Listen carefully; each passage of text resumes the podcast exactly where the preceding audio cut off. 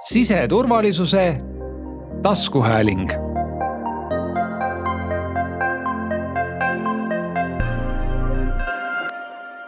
olgugi, et kodanikupäevast on möödas pool aastat, on täna jälle põhjust rääkida aasta kodaniku aunimetusest. on kahekümne viies mai kaks tuhat kakskümmend kolm ja salvestame siseturvalisuse taskuhäälingu erisaate, et avada tausta aasta kodaniku valimisest mina olen saatejuht Teele Seire ja olen palunud kommentaariks siia Siseministeeriumi rahvastiku ja kodanikuühiskonna asekantsleri Raivo Küüdi. Raivo, äkki sa avad, ähm, mis aasta kodaniku aunimetus on ja kellele seda tiitlit välja antakse? tegelikult me võime rääkida laiemalt ühiskonnas, meil tunnustamist väärivaid inimesi on palju ja, ja neid tunnustamise liike on ka vaja piisavalt, et äh, inimesteni jõuda ja nüüd, kui me räägime sellistest tunnustusliikidest, mis Siseministeerium äh, üldsusele välja pakub, on, on tegelikult kaks sellist tunnustusliiki, üks on äh, kodanikupäeva aumärk, mida antakse välja viisteist igal aastal, ehk siis viisteist inimest, kes kodanikuühiskonnas on aktiivsed, on ise aktiivsed, aitavad inimestel olla aktiivsed, siis neid tunnustatakse üks kord aastas. ja teine, millest me täna võib-olla rohkem räägime, on siis aasta kodaniku aunimetus mis antakse välja ainult ühele inimesele, kes on siis sellel aastal või siis noh, üldse niimoodi viimasel perioodil välja paistnud üle riigi sellise kodanikuteadvuse ja ühiskonna sidususe suurendamise asjades, et on, on hästi silmapaistev, nii et see on just, antakse välja siis kodanikupäeval ja, ja siin on niimoodi, et seda on kahe tuhande kolmandast aastast juba välja antud esmalt andis seda välja Kultuuriministeerium ja, ja nüüd on äh, siis viimased kaks aastat välja andnud seda Siseministeerium, et need kaks sellise tunnustuse andmist on ka omavahel kokku liidetud, et see toimub ühtse, ühtse üritusena kodanikupäeval. nii et nad on väga väärilised äh, tunnustused inimeste jaoks ja on, on hinnatud, sinna kandidaate alati laekub palju. mille eest varasemalt aasta kodanikuks on saadud? Eks siin on erinevaid äh, asju, võib-olla ma tuleks nagu kiiresti kohe siia kahe viimase aasta juurde, et, äh, et neid on lihtsam meenutada. siis, kui siin see koroona-aasta kõvasti möllas ja meie kõikide südamesse jättis äh, väga sügava jälje Irja Lutsar, kes, kes oli siin inimeste tervise eestkõneleja, siis tema pälvis kahe tuhande kahekümne esimesel aastal selle aasta kodaniku tunnustuse. Ja nüüd kahe tuhande kahekümne teisel aastal Johanna-Maria Lehtme, kes, kes oma heategevuse eest seismisega siis Ukraina nimel äh, kõikidele südamesse jäi, pälvis siis selle tunnustuse kahekümne, kahe tuhande kahekümne teisel aastal. kes on olnud selles valikukomisjonis, äh, kelle abil siis äh, valitakse aasta kodanikku? Selle valiku tegemiseks äh, kutsutakse kokku alati siis selline komisjon, kes selles kaasa räägivad, seal on nii riigi kui siis äh, vabasektori esindajad, riigi poolt äh, Riigikantselei, Kultuuriministeerium, Siseministeerium, Eesti Linnade Valdade Liit on kindlasti seal esindaja, kodanikuühiskonna sihtkapital ja siis jah, mitmed niisugused ühiskondlikult olulised mittetulundusühingud ja seltsid nende liikmed, nii et, et seal see valik toimub ja inimesed saavad esitada sinna kandidaate ja, ja komisjon siis äh, tegelikult kõik komisjoni liikmed vaatavad need taotlused läbi, kujundavad oma seisukoha, siis tuleb komisjon kokku, vaadatakse neid seisukohti koos, vajadusel hääletatakse, leitakse konsensus ja, ja antakse välja need vastavad aunimetused. Kuidas Siseministeerium tagab selle, et aunimetuse saab inimene, kelle käitumine on ühiskonna silmis vääriline või et need on ausad inimesed? siin ongi hästi oluline see, et noh, kõigepealt, et mis need kriteeriumid võiksid olla, et noh, meil kõigil on vaja nendele, selle peale kogu aeg mõelda. et eks me lähtume sellest, et, et kui me ütleme, et kodanikupäeva aumärk või siis aasta kodaniku aunimet, siis järelikult see on selline midagi sellist, et selle inimese käitumises ja tema olekus, hoiakutes nii varem kui siis selle otsustamise ajal kindlasti ei tohiks olla midagi, mis selle nimetusega kokku ei lähe. ja, ja nii see ongi. Ja eh, noh, kui inimesi esitatakse kandidaate, siis me ju kõikidest kõike ei tea, need komisjoni liikmed saavad vaadata avalikke andmeid, mis nende esitatud kandidaatide kohta on. Ja teeme oma valiku ära. Ja siis, kui me oleme valiku teinud, siis me tegelikult ka neid kellele me potentsiaalselt oleme siis valmis seda aunimetust omistama, siis me neid äh, ka kontrollime oma õiguskaitseasutuste kaudu, et sealtkaudu ei äh, ilmneks midagi just nimelt, mis välistaks või määriks seda aunimetust äh, siis sellisel kujul, et, et ei sobi. nii et, et seda on ette tulnud, et me ei ole saanud seda aunimetust mõnele kandidaadile välja anda, neil põhjustel just. Ja oleme siis sellest nii-ütelda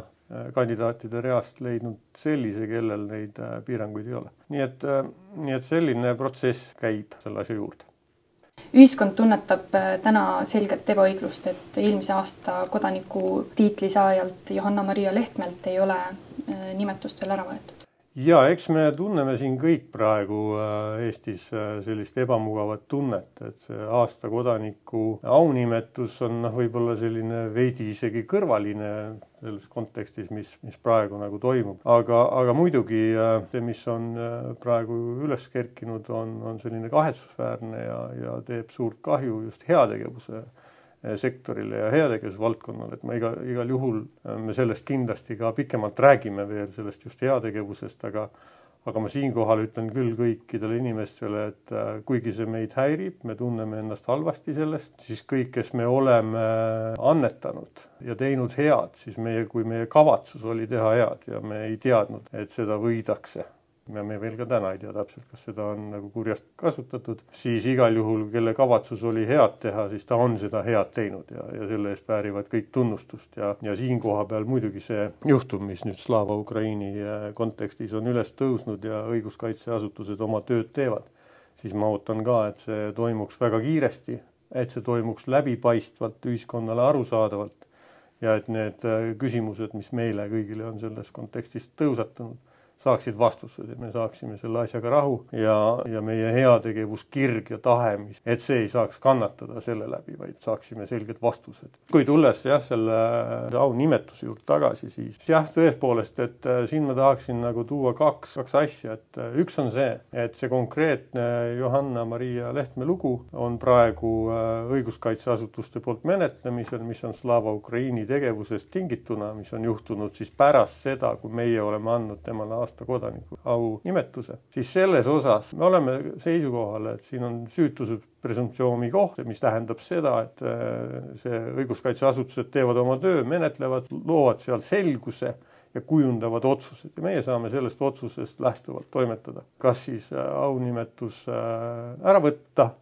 või mitte, aga nüüd on üks väga oluline aga. selle käigus on välja tulnud, on avalikkuses välja tulnud ka muid asjaolusid, Johanna-Maria Lehtme koht. Ja need asjaolud on juhtunud enne selle aumärgi andmist. Ja, ja siin on siis äh, süüdistused endise tööandja poolt, vähemalt ühe poolt, kus on äh, juhtunud äh, võltsimist ja siis raha omastamist mis tegelikult nüüd sai meile ilmsiks, me saime sellest teada. ja nüüd on äh,, siin tulebki nagu aru saada, mida ma siin tahangi selgitada, et siin on kaks asja, on käimasolev menetlus, millel õiguskaitseasutused toimetavad ja meie siin märgiandjatena ja selle komisjoni sellesse tegevusse ei sekku. küll aga see varasem tegu, mille suhtes menetlust ei käi, aga need asjaolud on meile teatavaks saanud ja selle asjaolude täpsemaks arusaamiseks kutsusin ma kokku komisjoni komisjoni esimehena. me tulime kokku, kutsusime endise tööandja, kuulasime tema ära, need selgitused olid veenvad selle juhtumi kohta ja see võib olla meile ka aluseks selle aunimetuse äravõtmiseks ja seda asja komisjon praegu aktiivselt menetleb ja me oleme andnud ka Johanna-Maria Lehtmele võimaluse anda omapoolsed selgitused selle juhtumi, kogu sellest olukorrast tulenevalt oma hinnangu ja aunimetuse kandmise kohta. nii et me ootame tema selgitused ja siis äh, kujundame komisjonidega, komisjoniga selle staatuse kohta siis seisukoha. aga jah, ma tulen siinkohal, tahan ühte asja veel selgitada.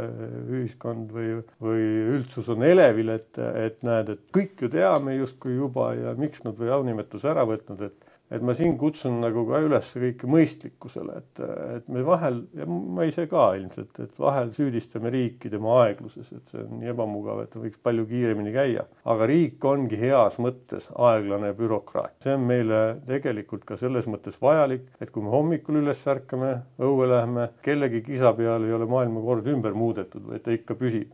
ehk siis selles mõttes muidugi kah kohati on seda põhjendamatut aeglust, aga ka ülimäära kiirustades äh, riigi asju ja selliseid otsuseid teha ei saa ja inimesi ka äh, süüdi mõista või nendele süüdistus visata nii, et ei ole põhjalikult kaalutud, ka ei tohi.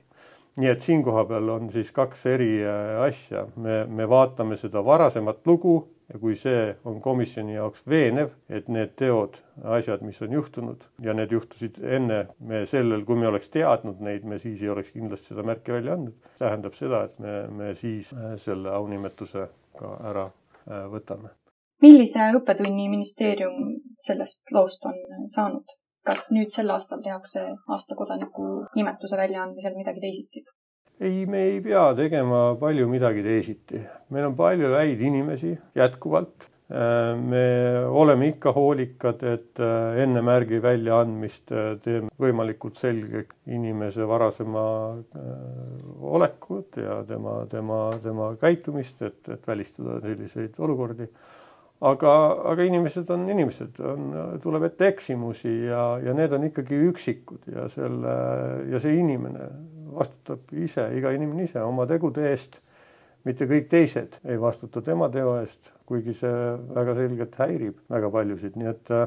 me kindlasti selle statuudiga jätkame, me vaatame, kas äh, väljaandmise tingimuse kohti on vaja kuidagi täpsemaks kirjutada. ma isiklikult arvan, et selline äh, mõistuslik tunnetus sellest, kes on hea ja selle märgi vääriline, on palju tähtsam kui kirja pandud üksikud kriteeriumid. iga kord võib juhtuda midagi uut ja, ja midagi teistsugust ja siis meil jälle seda polnud kirjas.